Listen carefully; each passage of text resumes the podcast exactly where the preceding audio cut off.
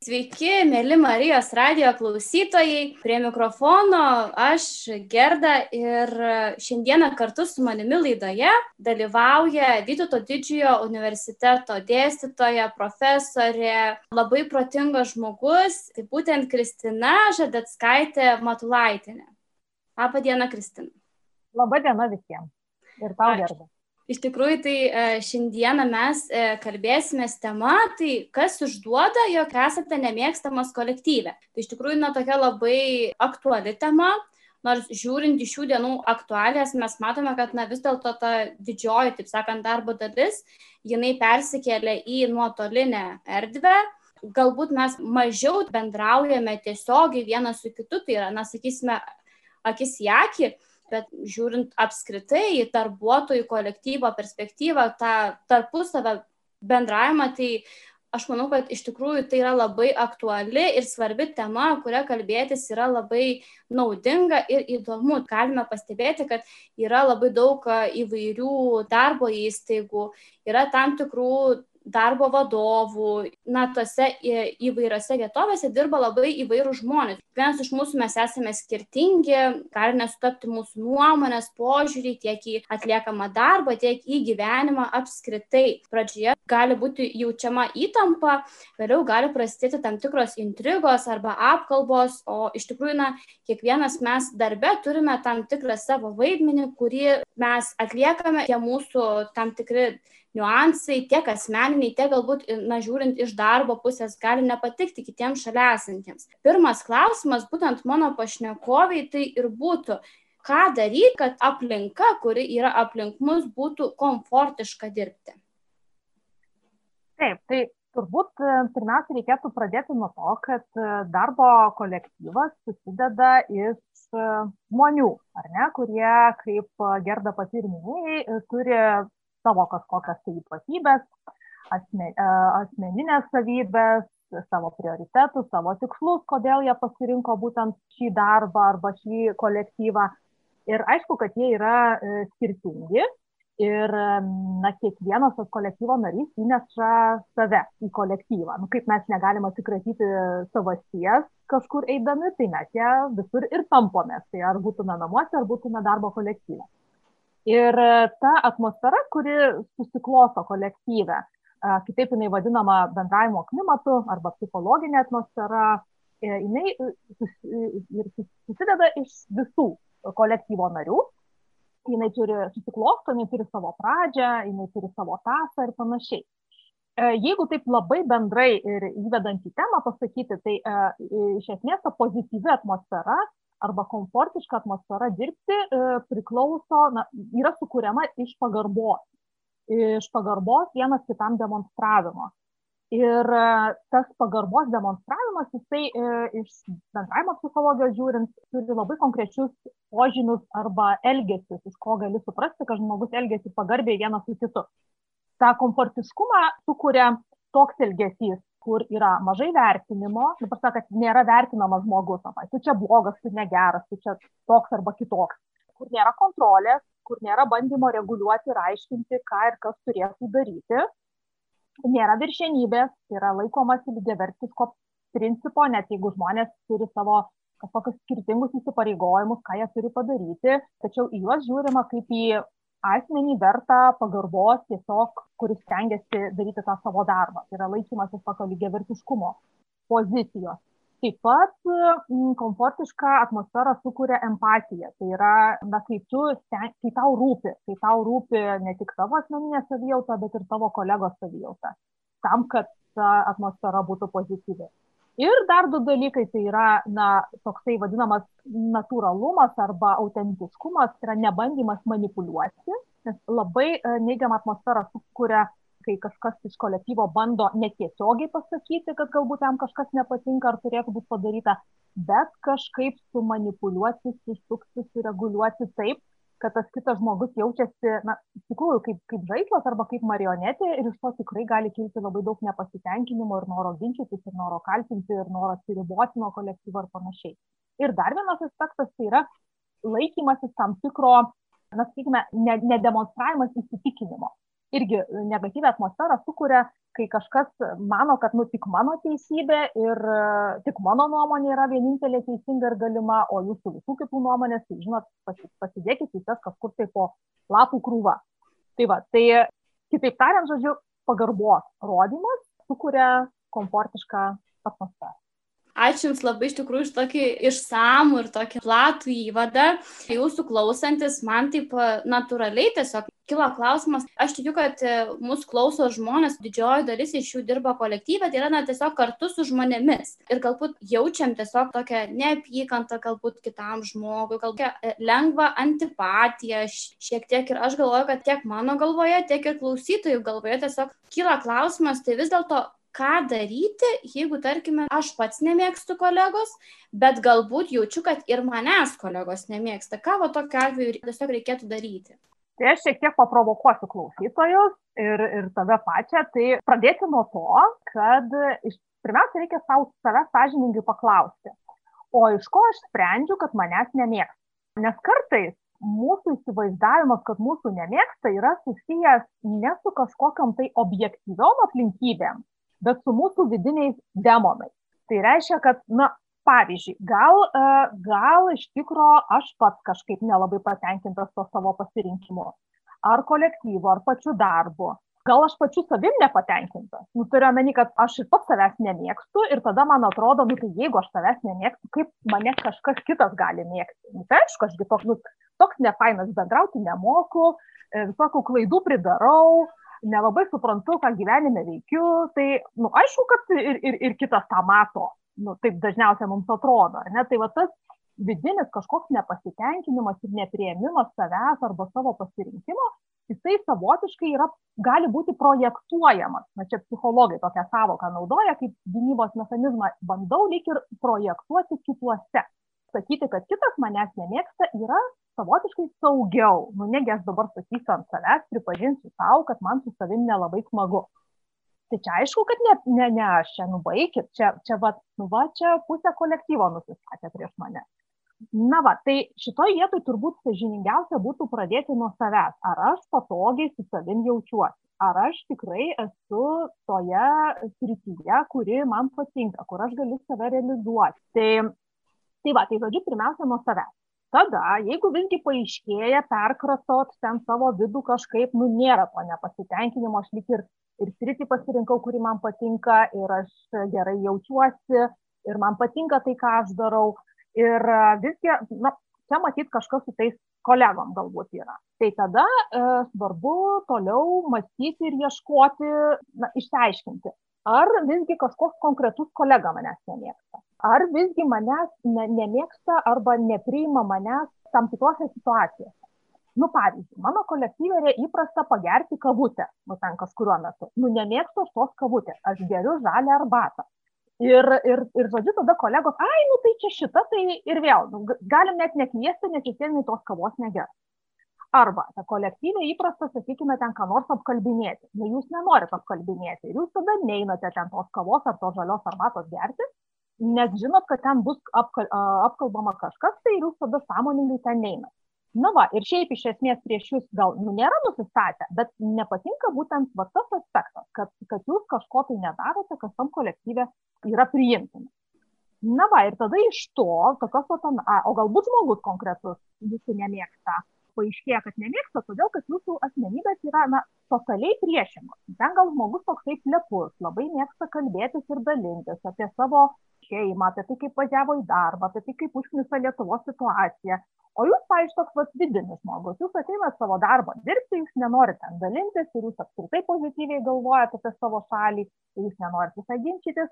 Tai tiesiog tai, kitaip tariant, tai susijęs su žmogum, su to žmogaus asmenybė ir, ir jo netitikimu su jūsų asmenybė. Arba, kaip jau sakiau, gali būti kažkokia tai situacija. Arba galbūt jūsų nemėgsta, nes jūs netliekate tų darbų ir pareigų, kuriuom, nu, dėl kurių jūs dirbate tam darbe. Nu, pavyzdžiui, galbūt jūs visą laiką linkęs vėluoti. Nepriklausomai nuo to, ar pateisinamos priežastys ar nepateisinamos, bet tarkim, natempėt iki paskutinės minutės ir kolegom dėl to kyla įtampa, kad, na, tarkim, čia liko penkios minutės iki darbo pabaigos, jie turi atiduoti ataskaitą, o jūs vis dar kuičiate ties ją.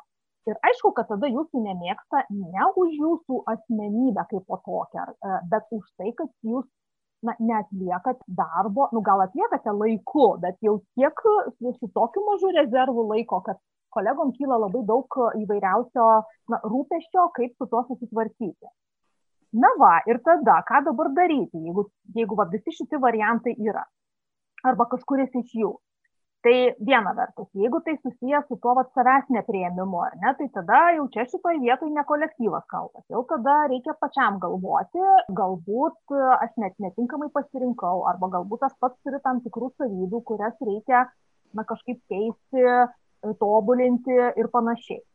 Jeigu tai susiję su kažkokia tai, nu, to darbo netlikimu, tai šitoje vietoje irgi būtų sąžininga pripažinti ir pergalvoti, ar jūs pats norėtumėt dirbti su tokiu kolega, kuris tempia iki paskutinio ir sukelia jums kažkokios tai įtampos. Jeigu tai yra na, kažkoks tai įprotis jūsų, galbūt reikia mokytis jį keisti kažką tai su visu tuo daryti. Jeigu tai su kažkokiais asmenybės ypatumais, skirtingumais susiję, nu, tai šitoje vietoje tu nelabai pakeisi tą, tą kolegą. Tai tada jau turbūt svarbu pergalvoti, ar iš viso verta keistis, galbūt priimti tas skirtybės ir ieškoti kažkokių kitokių sąlyčio būdų, kaip galima na, sutarti arba rasti bendrystę.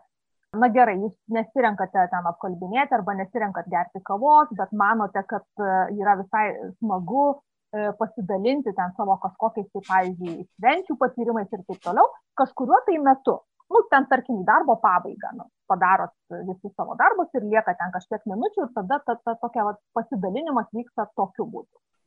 Tai va, tai man atrodo, kad tas sprendimo pasirinkimas priklauso nuo to, iš kur kyla tas e, nemėgstamumas. Ačiū Jums labai, labai iš tikrųjų Jūsų tinkami tokie patrauklus ir įdomus jūsų atsakymai. Dar irgi, na, toks klausimas būtų, kaip galvojate, na vis dėlto, kokie žmonės dažniausiai sulaukia to nepritarimo darbinėje aplinkoje. Galbūt jie pasižymė tam tikromis charakterio savybėmis, galbūt na, yra kažkokių tai fizinių tam tikrų kažkokių skirtumų, kurie tokie yra galbūt labiau išoriniai, kurie na, kliudo galbūt tiesiog na, tiems darbuotojams, kurie tiesiog yra šalia mūsų. Tai kokie maždaug žmonės, na, kaip jūs galvojate? Tai e, aišku, iš tikrųjų yra tam tikrų savybių, e, kurios yra tokios mažiau palankios kolektyvui arba atmosferai. Nu, kartais ir tiem žmonėm ir patiems su savim gana sunku būti. Tai jeigu šiaip kalbant apie savybės, kurios galėtų būti tokios, na, sukeliančios problemų kolektyvę, tai agresyvumas, tai reiškia, jeigu žmogus yra labai agresyvus savo natūrą, tai reiškia, sakykime, ag, beje, agresyvumas nebūtinai fizinis, bet kažkaip mm -hmm. mus liktai gal įstatymai apsaugoja, kad ne, neprimustų kolegos, bet tiesiog būna tokių agresyvių žmonių net savo kalbėsena, tai yra, na, jie tokiu, tokiu puolimu sakykime, kalbą, gali būti net keiksmažodžiai naudojami. Beje, keiksmažodžiai irgi yra agresijos forma, žodinės agresijos forma. Tai va, tai e, tie, kurie va taip linkia pulti, e, galbūt net nesilaikyti atstumo, nes net fiziškai prie tavęs taip ateina, bet jautiesi lyg kampą įspaustas. Tai žodžiu, agresyvumas. Taip pat empatijos toka. Tai yra, kai žmogus mm, ne, net nesistengia suprasti, kaip na, tas kitas kolega galėtų jaustis tokiomis aplinkybėmis arba ką reiškia, sakykime, dirbti įtampoje ar, ar, e, tokiems siauriems laiko rėmams. Iš dalies ta empatijos toka yra susijusi su egocentriškumu arba egoistiškumu. Ir tai, tai nėra ta patys dalykai. Egoistiškumas yra, kai tu labiau, labiausiai savo kailių rūpinėsi. Na, jis šiaip žmogui būdingas, bet e, jeigu kolektyviai yra taip, kad, nu, žinai, nu, vat, man ne, neįdomu, kaip tu ten uh, jautiesi ir kaip tau ten sekasi, aš tik darau savo, savo darbus, savo reikalus Ir tai kas, kad visas kolektyvas nukentės, nu, bet aš prieš viršininką tai pasirodysiu kaip, kaip gerai sustovėjęs e, kolega. Tai, tai va šitas dalykas. O egocentriškumas tai yra toksai na, noras e, gauti dėmesio tik tai savo, nu, kad aš esu pasaulio bamba, centras ir, ir tai gali pasireikšti ir kalboje, kad tas žmogus jau labai daug kalba ir, ir net ne, nesiklauso kitų, e, ir erdvę gali netgi labai užimti ir visai kaip kitaip rodyti, kad na, aš esu lyg ir viršesnis ir svarbesnis negu visi kiti. Taip pat e, nelankstumas arba kitaip e, rigidiškumas. E, tai irgi gali sukelti rūpešių kolegom. Tai, tai nelankstumas tai reiškia, kad na, vat, aš tik taip suprantu šitą situaciją arba tik taip matau vat, galimą problemos sprendimą ir neinu į jokias diskusijas, nes nemanau, kad kažkaip kitaip galėtų būti.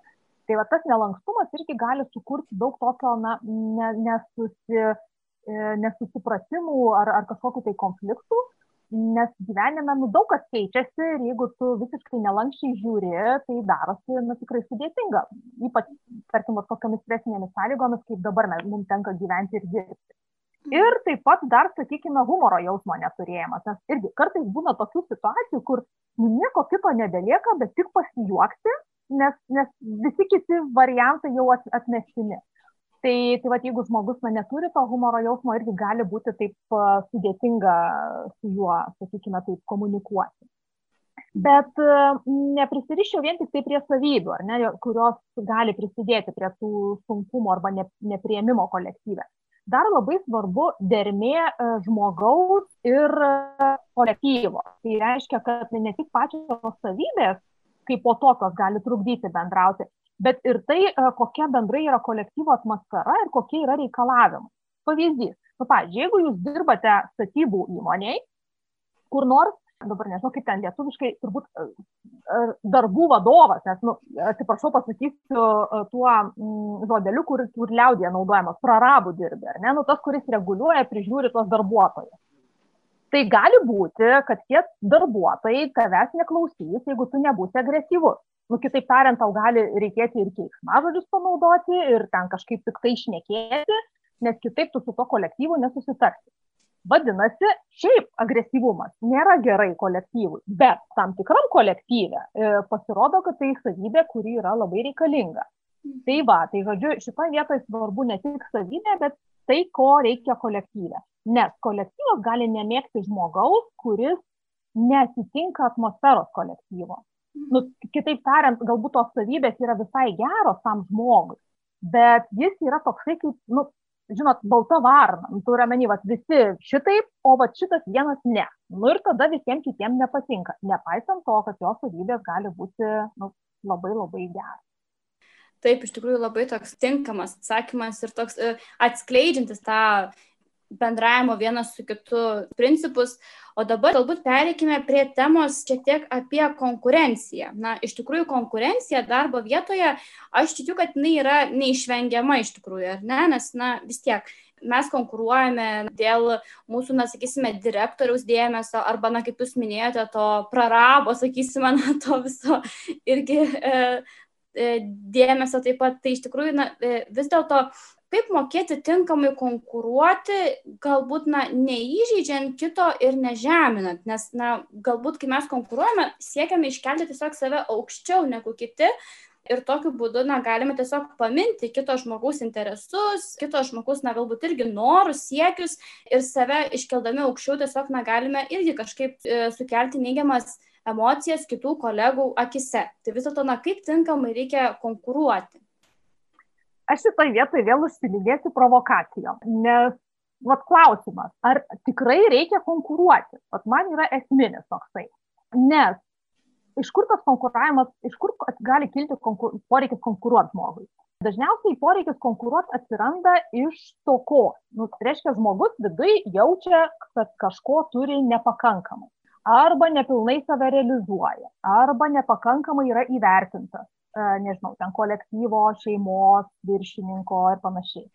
Arba pernelyg remiasi tokiais e, išoriniais savo vertės rodikliais. Na, reiškia, ne, ne savo vidinių e, kažkokią tai jauseną, kaip, kaip aš kaip žmogus jaučiuosi, bet, na, va, ką kiti pamanys. Nežinau, tai gali būti giminės, kažkokie tai kiti svarbus asmenys, vaikai, žmona, vyras ir taip toliau. Na, žodžiu, lyg tai ne aš pats esu savo vertės šaltinis ir, ir žinovas, kas man yra geriausia, bet liktai kažkaip prieš kitus savotiškai pasirodyti. Na, va, ir tada man atrodo, kad labai nemažai žmonių įsivelia į tą konkuravimą dėl to, kad jie, nu, iš esmės, jie neturi vidinio siekio ten karjerą daryti arba ten kažkaip pilniau save realizuoti, geriau save atskleisti, bet iš to išorinio poreikio gauti išorinį patvirtinimą kad aš esu šaunus, kad aš esu protingas, kad aš esu vertingas ir panašiai.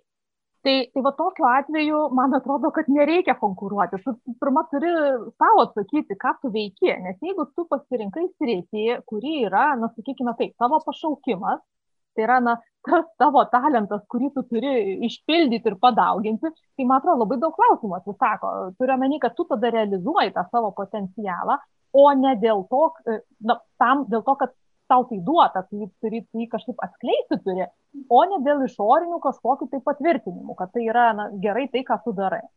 Tai va, tai šitoje vietoje, man atrodo, labai sumažėtų įtampa darbe ir, ir pačiam žmogui, jeigu jisai savo atsakytų, dėl ko ir ką jisai daro, ir ar jam tikrai tam tikrų dalykų reikia, ar jam tikrai tų išorinių patvirtinimų jo vertės reikia.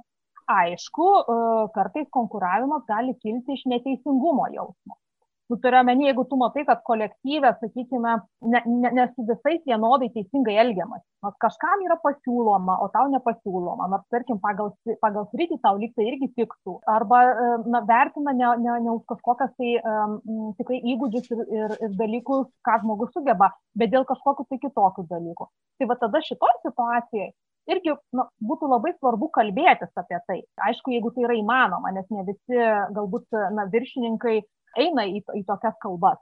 Bet šitoje vietoje irgi turi visiems savęs savo atsakyti, ar tu tikrai nori na, rizikuoti, investuoti, skirti savo laiką, dėmesį ir, ir energiją, aiškinti šitą situaciją ir ją pakeisti. Ir, ir ar tu sutinki mokėti kainą šito aiškinimas. Nes visas aiškinimasis, visas konkuravimas, visas siekis ten dėl kažkokių tai dalykų, jis kainuos turiu omeny na ne nebūtinai finansinius dalykus daugiau kalbu apie emocinius dalykus sveikatos dalykus santykio dalykus ir panašiai. Tai vat man atrodo čia šitoj vietoj yra labai toks svarbus dalykas kurį žmogus turi sau atsakyti.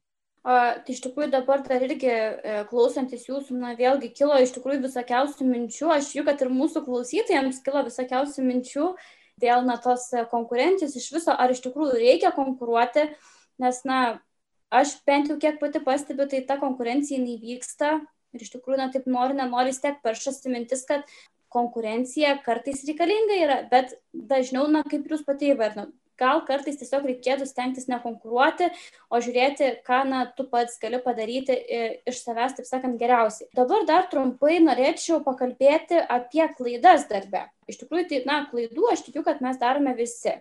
Mes klystame visi, taip sakant, esam žmonės, yra toksai e, latiniškas posakis erare humanum est, tai tiesiog, na, klysti yra žmogiška, esam žmonės, visi klystam. Tai iš tikrųjų, kodėl reikia tas priimti klaidas, kurias mes padarome ir ar apskritai reikia mokėti, pripažinti klydus darbe. Kodėl tai yra svarbu?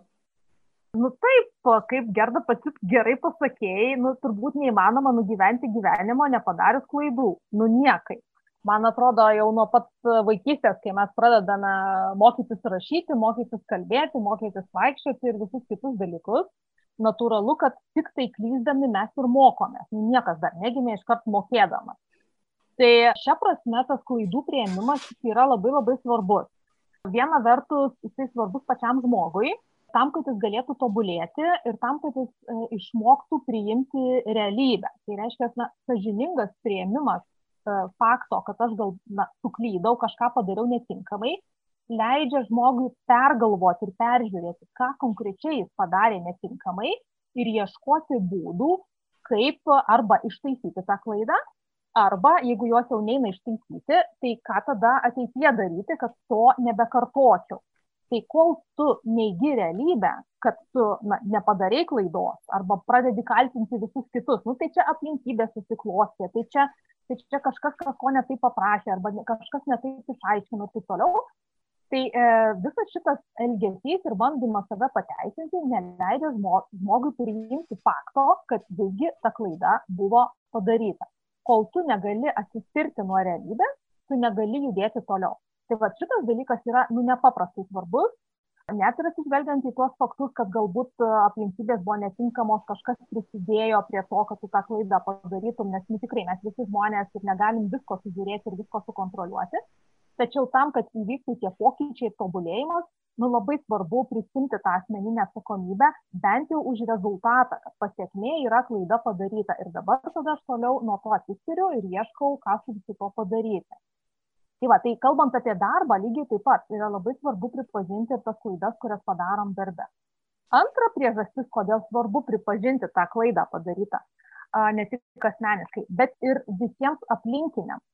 mes turime tokią labai na, liūdną situaciją mūsų šalyje ir kolektyvuose, kad kai gyvenam tokioj iliuzijoje, kad visi neklysta, nu, viršininkas tai tikrai neklysta ir kolegos neklysta, čia tik tu, tik tu vienas to tokias klaidas darai. Susidaro tokia atmosfera, kad nu, labai skatinanti perfekcionizmą, kas, kuris nėra geras bruožas. Tai yra, kad, na, nu, negalima daryti klaidų. Nu, ta prasme, tu iš karto vat, atėjai į darbą ir taip atsisėdai ant kėdės ir jau moki ten tą interviu vesti, arba jau moki tam, nežinau, paskaitas skaityti, jau moki konsultuoti ar dar kažką daryti. Nu kaip, kokiu būdu? Tai, tai vat, kai bandoma rodyti, kad klaidas mes darome visi ir kad labai svarbu na, pripažinti tai ir toliau iš to mokytis, tai kuria kitokią atmosferą kolektyvę, kad viskas tvarkoja suklysti, svarbu tai pripažinti ir ieškoti būdų, kad tai nebepasikartotų. Tai šito labai visiems mums linkiu, nes tikrai mūsų šalyje šito labai labai trūksta.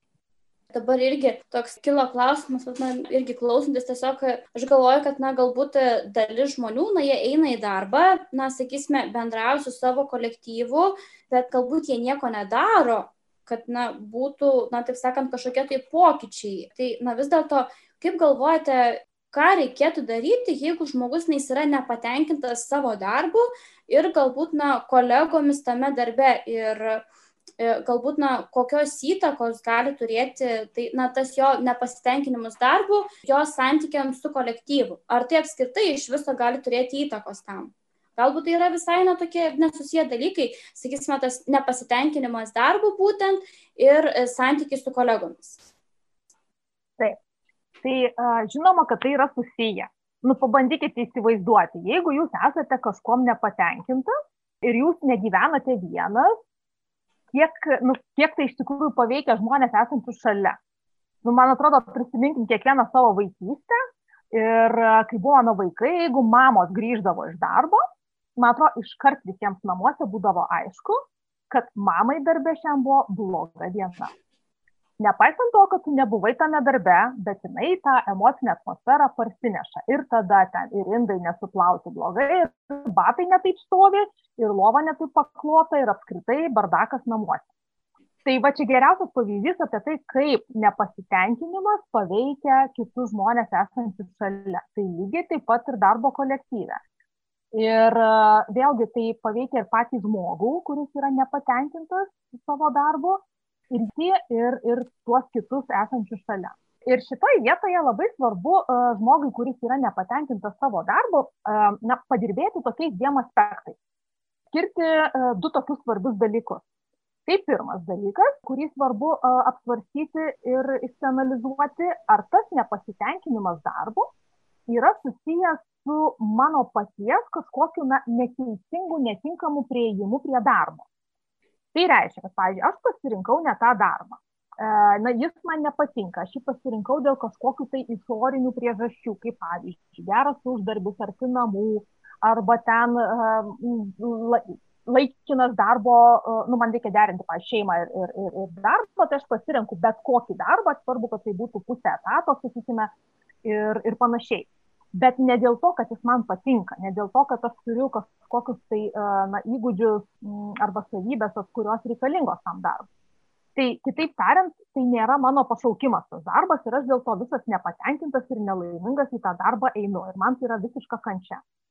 Arba galbūt aš neturiu reikiamų įgūdžių. Turiu omeny, kad na, aš neapmokytas, aš nesuprantu, kaip tai daryti, ir tada man mano nepasitenkinimas darbu susijęs su tuo, kad nu, aš, aš nežinau, kaip tai daryti. Ir tada mane įima pyktis ir aš nu, nieko nedarau, kad išsiaiškinčiau, kaip tai daryti ir panašiai.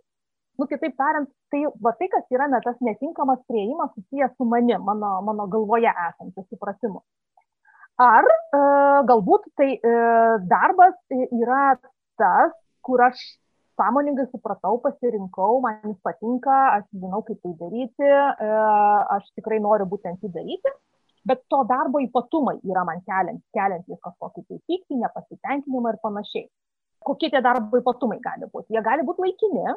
Nu, pavyzdžiui, dabar mes visi galėtume, e, visi dirbantys žmonės galėtume jaustis žiauriai nepatenkinti savo situaciją. Visi ir tie, kurie privalo tupėti namie, ištis dirbti iš namų, ir tie, kurie privalo, na, va šitom sudėtingom sąlygom eiti į darbą. garantuoju, kad mes kiekvienas rastume bent kelis požymius, kodėl mums mūsų darbas dabar nepatinka. Todėl, kad sąlygos yra nenormalios.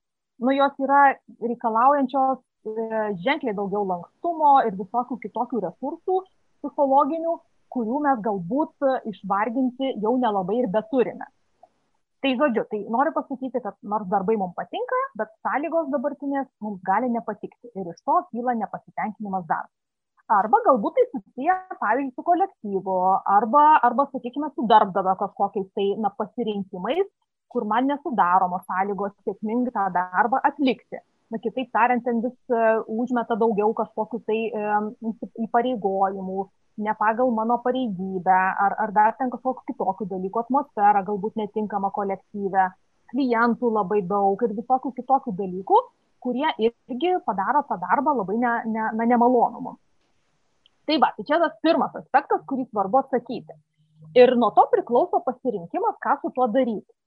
Taip, reiškia tai, jeigu tas darbas nėra mano pašaukimas ir aš jį pasirinkau ne iš savo turimų kažkokių tai savybių ir įgūdžių, tai visgi būtų sąžininga pergalvoti ir paieškoti to kito darbo, kuriame aš galėčiau pilnai save realizuoti.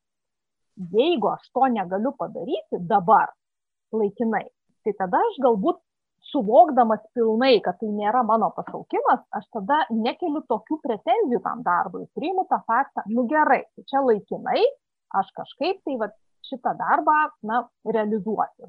Galbūt tada rasiu kažkokį kitą pliusą, kodėl yra gerai ir, ir tokiam darbe būti.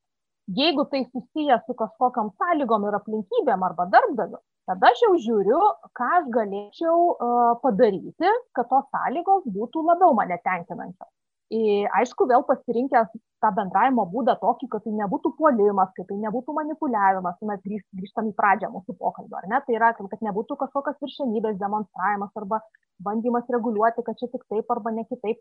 Bet visiems pabandyti kažkaip padaryti tai, kas nuo jūsų priklauso, kad tos sąlygos būtų galbūt labiau tinkamos.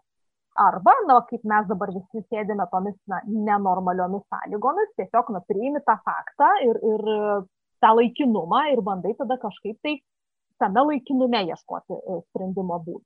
Tai čia tas pirmas dalykas, kurį aptariu. Antras dalykas, kurį svarbu žmogui atsakyti, kai jis yra nepatenkintas savo darbu, tai yra apsvarstyti, ar tai, kas šitame darbe man nepatinka, yra mano, na, nuo manęs priklauso ar nepriklauso. Ir e, šitoj vietoj e, reikia daryti tai, kas nuo tavęs priklauso ir nesirūpinti arba nesinervinti dėl to, kas nuo tavęs nepriklauso. Nes nervindamasis tu neišspręsi situacijos, todėl kad tu jos nevaldai. Bet tai, kas nuo tavęs priklauso, tu kaip ir privalai prisimti atsakomybę ir padaryti. Na pavyzdžiui, jeigu tu niekada su savo darbdaviu nekalbėjai apie tai, kad na, pagal tavo pareigas ar pagal tos darbus, kuriuos tu turi padaryti, e, tau užkrauna kažko tai daugiau ir tu nesuspėjai padaryti savo tiesioginių įsipareigojimų, jeigu tu niekada net nebandėjai kalbėti, nu tai natūralu, kad tas darbdavys gali net ir nežinoti apie tai. Nu jis pripratęs, kad, nu, šita tai yra labai tvarkinga, labai kruopšti, viską padaro, ką jai duodi. Tai kodėl jai neduoti? Nu, aišku, kad duoti, nes jinai nieko neprieštarauja. Tai va, tai šitoj vietoje yra sažininga visgi pasiryšti, na, aišku, surasti būdą, formą ir kalbėti apie. Jeigu tai visgi nuo tavęs nepriklauso ir tu negali niekaip pakeisti, paveikti tos situacijos, tada lieka, nu, vėl keli keliai. Arba keisti požiūrį, arba keisti darbą. Nu, turiu omenyje, atsisakyti tada jo. Bet šitoj vietoj e, tas požiūrio pakeitimas, tai irgi gali būti labai, nu, labai vertingas. Nes iš esmės bet kokia veikla, jeigu jinai mums yra nemalonė, kelianti kažkokias negatyves emocijas, varginant ir panašiai, jinai vis vien gali turėti tam tikrą pozityvų aspektą. Mano pagrindinis šio pus pusmečio motyvas, leitmotyvas yra kantrybė. Aš sakiau, kad šitas pusmetis yra nu, tokia dovana kantrybė ugdyti, kad jaučiuosi jau ir dešimtos klasės egzaminus kantrybės išlaikius ir jau tuoj abitūros egzaminus pabaigsiu ir jau norėčiau daugiau nebeturėti tų egzaminų kantrybei ugdyti, bet nu, panašu, kad dar reikės pakentėti. Bet, bet kuriuo atveju, nes čia yra tokia situacija, kurios tu na, negali pasirinkti, ne? tai tada kaip tu žiūri? Nu, okei, tai reiškia, tai mane moko, tai vis vien yra pamoka, kur, kur aš, aš dalyvauju toje pamokoje ir rezultatas tai bus mano, nu, pažymį, kokį aš gausiu, sakykime. Tai čia bus apie mane, ne apie tas aplinkybės, ne apie tą virusą, kuris neaiškus, kur atėjo, bet apie mane, nes tai yra mano elgesys, mano, mano galbūt kalbėsena, mano laikysena, kuri, uh, už kurią esu visgi aš pati atsakinga. Tai va, išsiplėčiau turbūt atsiprašau. Ačiū labai. Tai iš tikrųjų dabar dar, na vis tiek norėtųsi kažkiek pakalbėti ir apie tuos tarp asmeninius santykius darbe. Aš manau, kad galime matyti visokių situacijų, kai tiesiog kolegos galbūt na, šalinasi mūsų, nenori bendrauti, galbūt tiek man, tiek ir klausytojams tai kyla mintis ir klausimas, tai vis dėlto kaip tinkamai reaguoti ir elgtis vis dėlto na, su tuo kolega, kuris šalinasi mūsų, nenori eiti į kontaktą ir galbūt na, siekia būti vienas, nors, pavyzdžiui, vat, na, aš asmeniškai esu toks žmogus, kuris nenori bendrauti su visais žmonėmis, tai na, tiesiog jeigu matau, kad yra na, žmogus vienas, kažkur, na, toks paliktas, na, sakysim, kamputyje, tai kažkaip norisi eiti ir kalbinti tą žmogų. Tai aš manau, kad ir mūsų klausytojams lygiai taip pat, na, kyla tokios pačios mintis. Tai vis dėlto, na, ką daryti, jeigu žmogus vis dėlto, na, toksai nori būti vienas, nuo šaly ir neiti į tą, na, sakysime, tokį bendrą kontaktą su kolektyvu. Kaip, na, jį prakalbinti galbūt. Na, čia toks labai geras pastebėjimas ir, ir tokia iliustracija, na, va tam, kodėl labai svarbi empatija kolektyvė, ar ne? Nes mes kiekvienas kaip ir reaguojame tai, kai, kas mums yra būdinga. Nu, tarkim, jeigu, sakykime, mes esame tokie labiau ekstravertuoti, mėgstantis bendrauti, ne? mes iš karto žiūrėdami į tą kitą žmogų, kuris galbūt yra uždarokas ir nenorintis bendrauti, žiūrim iš savo perspektyvos kad nu, jam turbūt labai vieniša, tai jam turbūt labai liūdna, tai jis turbūt e, kažkaip nepatogiai blogai jaučiasi. Na ir einame mes jį gelbėti. Nu, ta prasme, va, kažkaip tai, nes iš, nu, iš mūsų plaukia tas gėris, toks tai noras padėti. Bet kaip čia galėtų padėti empatija? Empatija galėtų padėti ta prasme, kad tu gali pradėti galvoti, ar tikrai visi žmonės yra tiek norintys bendrauti ar tikrai nekalbantis arba nebendraujantis žmogus yra vienišas žmogus ir kad, kad jam tikrai na, reikia kažkaip padėti e, tame kolektyve pritapti. Tai šitoje vietoje labai svarbu atsakyti, dėl ko tu nori eiti į kontaktą su tuo žmogum. Ar tu dėl savęs nori, nes tau labai liūdna žiūrėti į tą žmogų, kuris vienas. Ar, tu, ar tikrai yra požymių, kurie leidžia suprasti, kad tam žmogui yra sudėtinga tame kolektyve tai va tai čia šitoj vietoj turbūt svarbu sau atsaky na šiek tiek stebėti e, tą situaciją ir, ir bandyti suprasti, ar kolega, pavyzdžiui, ir darbiniais klausimais nebendrauja. Na, ta prasme, jis toksai labai susivaržęs. Darbinius klausimus jis visai mielai dalinasi ir ten pajokauja ir papasakoja, tačiau kai pasisuka kalba ten apie kokią nors ten šeimą arba savaitgalį arba dar kažką, o tada jisai atsiriboja. Tai galbūt e, tai yra tiesiog na žmogaus tokia na pozicija arba vertybinis klausimas kad jisai apie savo sakykime šeiminius dalykus visai nenori dalintis.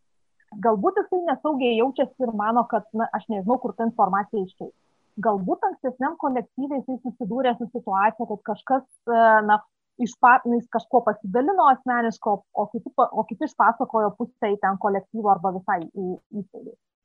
Tai, tai šita, šita prasme žmogus turi teisę na, nesidalinti savo asmeniniu gyvenimu ir nepaisant to jis gali visai gerai jaustis tame kolektyve.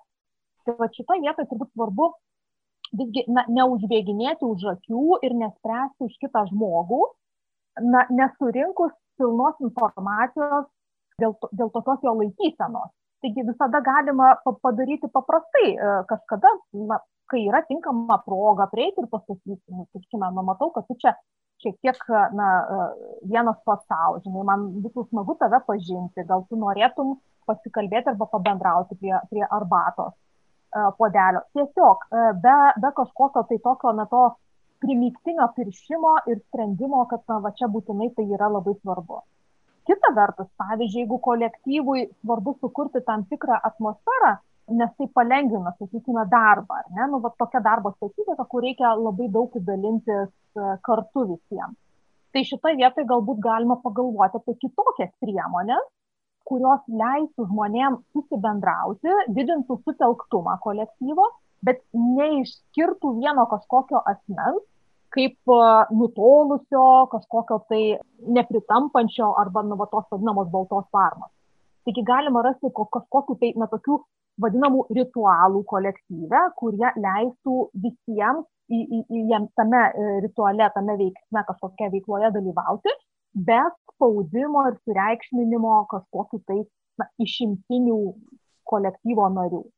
Tai va, tai šitoje vietoje turbūt būtų svarbu atsižvelgti tuos abu aspektus. Dabar irgi toks, na, klausimėlis, e, aš tikiu, kad jūs ir per paskaitas galbūt, na, studentams kalbate apie, na, tą vadinamą tokį mūsų nežodinį bendravimą, ar ne? Tai yra, taip sakant, na, tas neverbalinis bendravimas, arba, taip sakant, paprastai žodžiais, tai yra tiesiog, na, mūsų kūno kalba galvoju, kad na, vis dėlto mes tiek būdami darbe, tiek ir bendradami su savo kolegomis, galbūt net su savo, taip sakant, viršininku, direktoriumi, savo kūno kalba kartais e, iš, iš tikrųjų pasakome galbūt daugiau negu savo tą na, visą žodžiais ta verbalinė kalba, tai iš tikrųjų, na, kaip svarbi yra ta kūno kalba bendraujant darbę su kolegomis ir, na, ar tai gali būti priežastimi, dėl kurios, na, žmogus tiesiog gali būti, na, nemėgstamas tam darbuotojų kolektyve.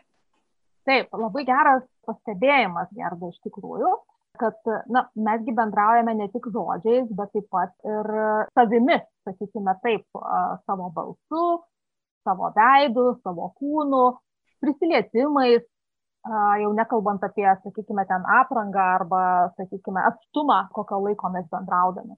Tai e, kūno kalba, na, tas e, pats bendravimo būdas yra labai svarbus e, kolektyve, nes jisai suteikia na, papildomos informacijos kitam žmogui apie to na, bendraujančiojo savijautą, kokios jisai emocinės būsenos, susierzinęs ar pavargęs, piktas ar laimingas, norintis bendrauti ar nenorintis bendrauti. Tai žodžiu, na, būsena, emocija parodo, taip pat na, kūno kalba parodo santykių su mumis. Na, kitaip tariant, to žmogaus, na, kažkokią laikyseną arba kalbėseną su mumis savotiškai siunčia signalą, o kokią nuostatą jis į mus turi.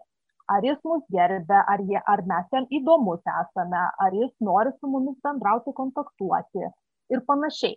Ir e, šitoje vietoje labai svarbus tokie tie e, na, požymiai, kurie rodo žmogaus norą bendrauti. Tai būtų žvilgsnis, na kitaip tariant, tai nereikėtų įsistiprinti į žmogų, nu, negręžti žvilgsniu, bet tai turėtų na, būti tas veido atsukimas į pašnekovą ir akių, žvilgsnio, akių kontakto palaikymas, nes nu, visiems rega yra dominuojantis organas. Čia žmonėms, kurie neturi, sakykime, regos kažkokios negalios arba problemų, sunkumų su rega.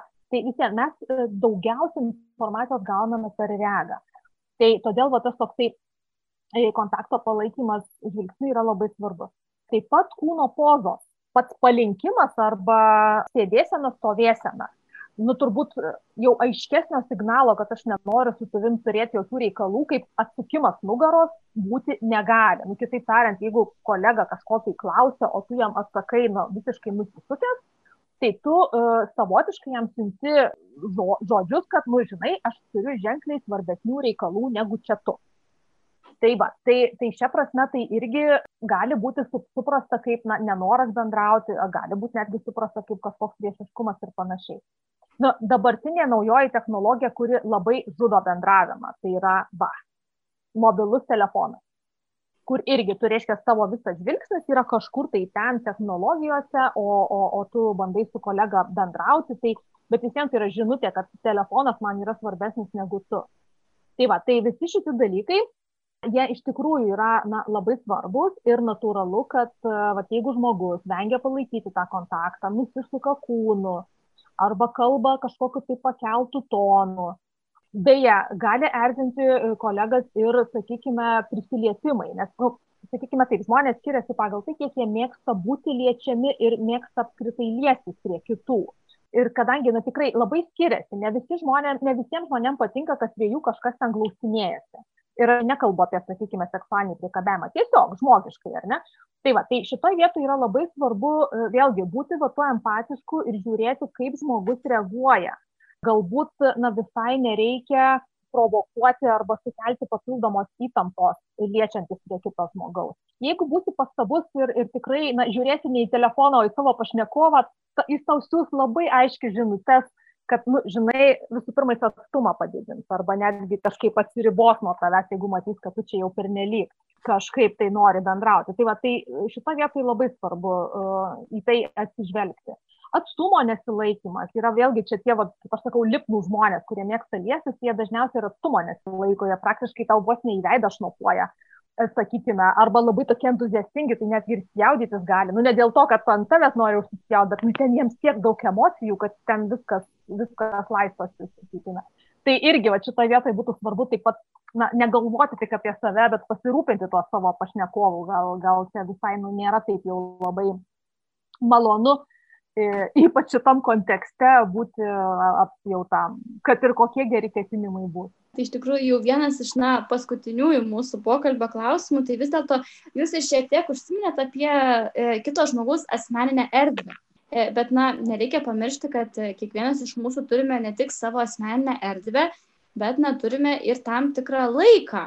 Na, vis dėlto tą tokį esi, asmeninį laiką, na, kuris tiesiog yra tinkamas bendravimui. Galbūt, na, pavyzdžiui, mes dabar esame susinervinę ten dėl, nežinau, vaikų savo, šeimos, ten, na, kažkokių tai problemų ir vis dėlto reikia rasti galbūt na tinkamą laiką su tuo žmogumi pasikalbėti apie tam tikrus na darbinius dalykus.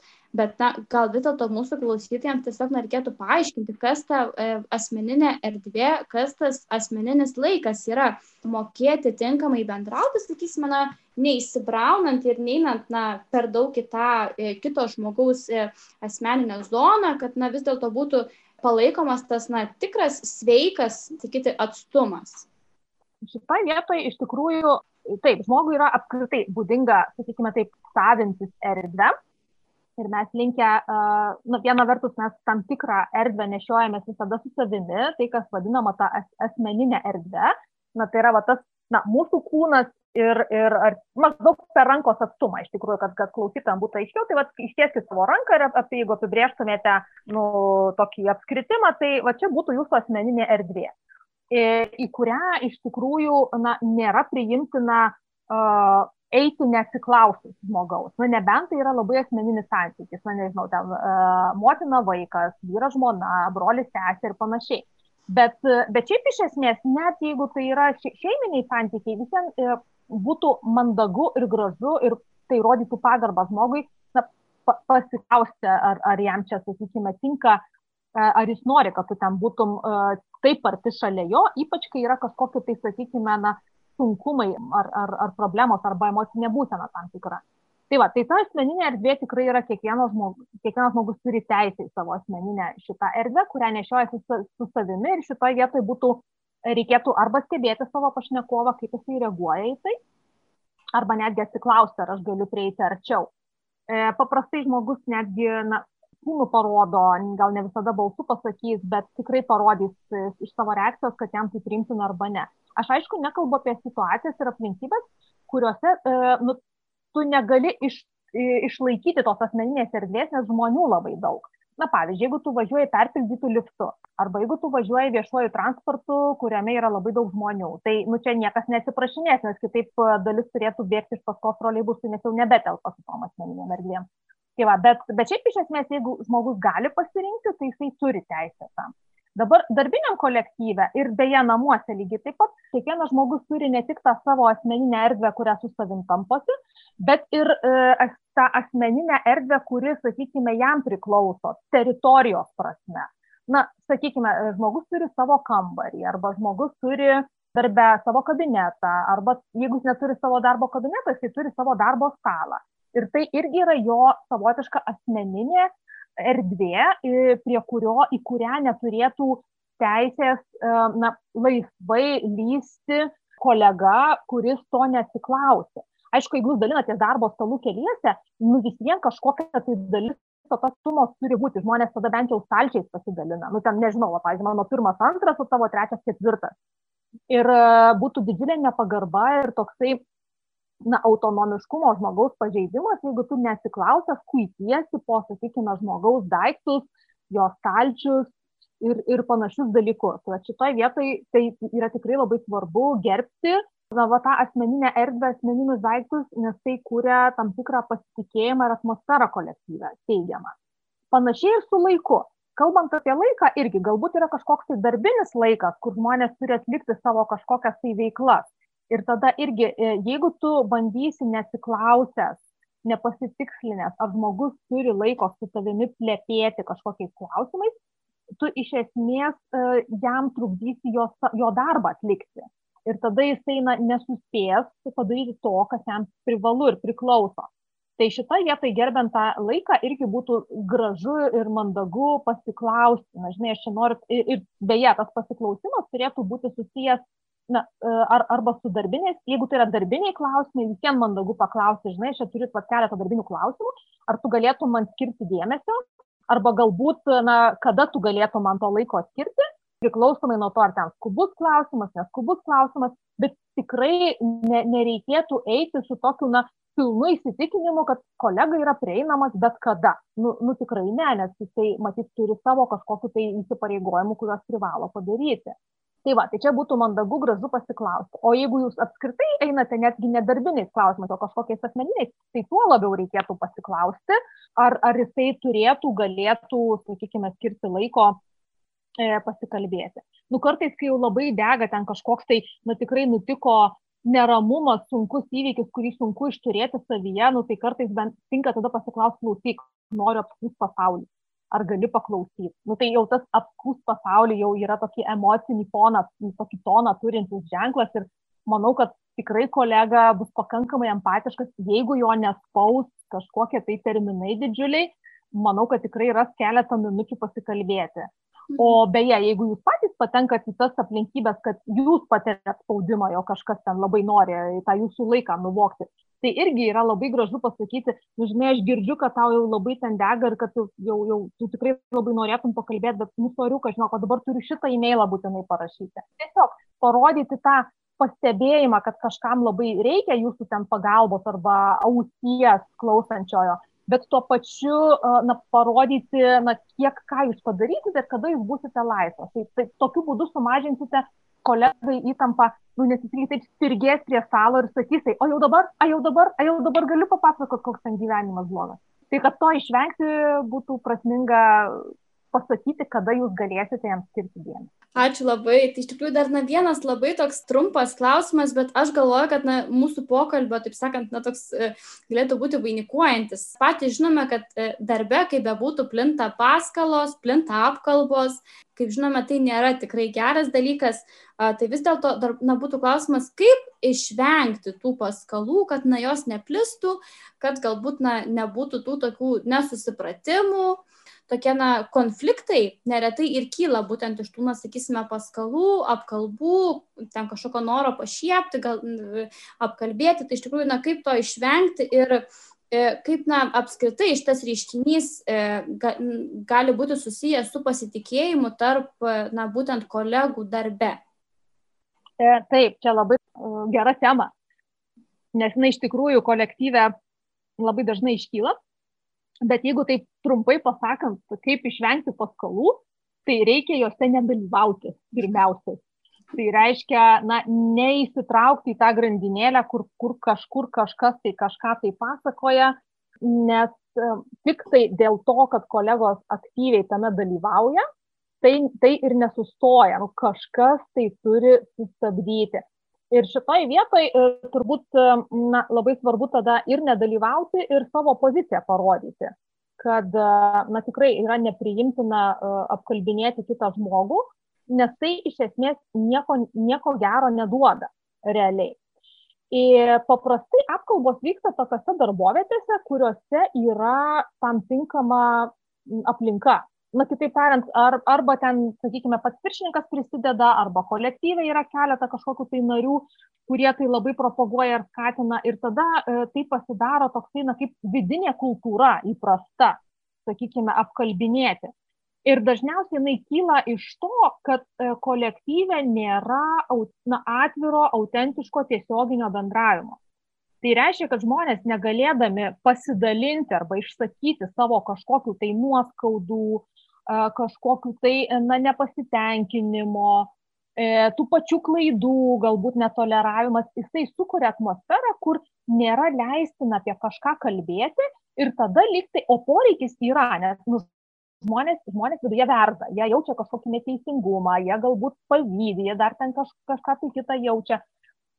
Bet jeigu jie to negali kažkaip, na, kaip psichologai sako, išventiliuoti, tai tada jie ką daro? Jie tai daro per aplinkui.